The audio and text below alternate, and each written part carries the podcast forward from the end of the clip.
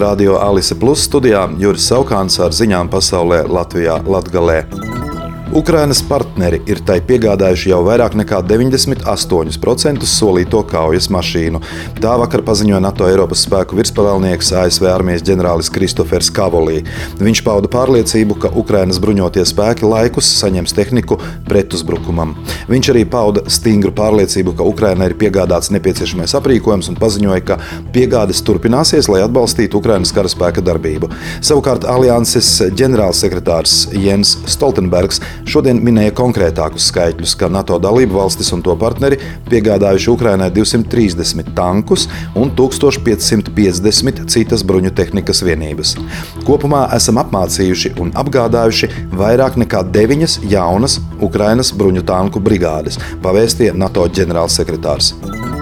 Ukrainas prezidents Volodimirs Zelenskis pēc telefona sarunas ar Ķīnas kolēģi Sji Ziņpinu paudis cerību, ka konfliktā ar Krieviju varēs izmantot Pekinas ietekmi. Vakar telefona sarunas laikā Sji pavēstīja par savu nolūku nosūtīt uz Ukrainu un citām valstīm īpašu sūtni, lai ar visām pusēm apmainītos ar viedokļiem par Ukrainas kara politisko risinājumu. Turklāt Ķīnas prezidents atkārtoti uzsvēris, ka Ķīnas un Ukrainas politisko attiecību pamats ir suverenitātes un teritoriālās nedalāmības ievērošana. Zviedrijas karalis Kārlis 16. Gustavs un karaliene Silvija no 2. līdz 4. maijam pēc Igaunijas prezidenta Alāra Kārisa ilūguma valsts vizītē apmeklēs Igauniju. Vizītē galvenā uzmanība tiks pievērsta Igaunijas un Zviedrijas drošības un aizsardzības sadarbībai, ekonomikas saišu stiprināšanai, zaļās un digitālās pārējas iespējām, tāpat sadarbībai enerģētikas, pētniecības un inovāciju jomā. Cik stipra ir Latvija, tik stipra arī ir Latvijas valsts. Šodien Latvijas kongresa sanākšanas gadadienā uzrunā saimai uzsvēra tās priekšstādātājs Edvards Smiltēns no apvienotā saraksta.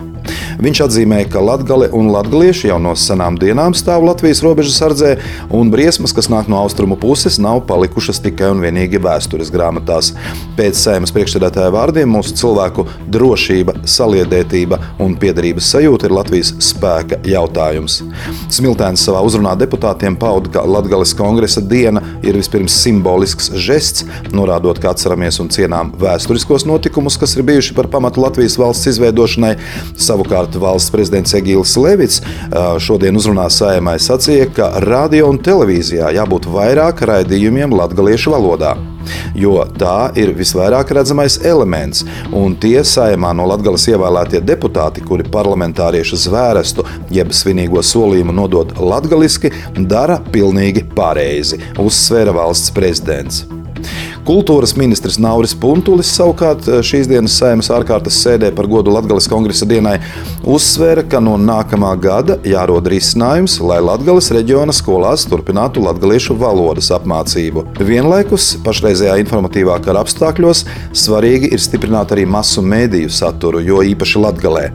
Kopš 2017. gada darbojas Mediju atbalsta fonda programmas, kas nodrošina finansējumu satura veidošanai, un ja kopumā medijiem satura veidošanai veidošanai novirzīti 14,7 miljoni eiro, tad Latvijai no šīs summas piešķirta apmēram 1,15 daļa.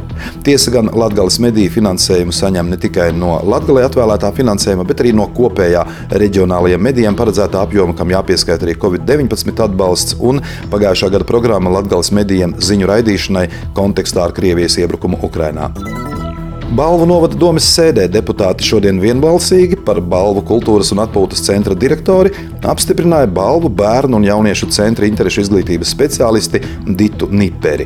Viņa nākotnē balvu kultūras un atpūtas centru redz kā kultūru vidi, kas ir orientēta uz kultūras daudzveidību un ilgspējīgu attīstību, bet tajā pašā laikā arī saglabā un attīsta vietējās kultūras vērtības, tradīcijas un iedzīvotāju radošumu. Režisors Gatis Šmits Daugopils teātrī iestudē komēdiju pamatnoteikumi. Par to informē valsts Daugopils teātris sabiedrisko attiecību vadītāja Janīna Ivanova.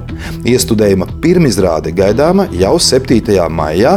Šmitam šis ir pirmais režijas darbs Daugopilī, savukārt vienai no lomām kā viesmākslinieks ir pieaicināts aktieris Kaspars Zāle. Ziņu apskatu pasaulē Latvijā Latgalē veidoja Radio Alise Plus informācijas un ziņu dienests. Studijā bija Juris Saukāns.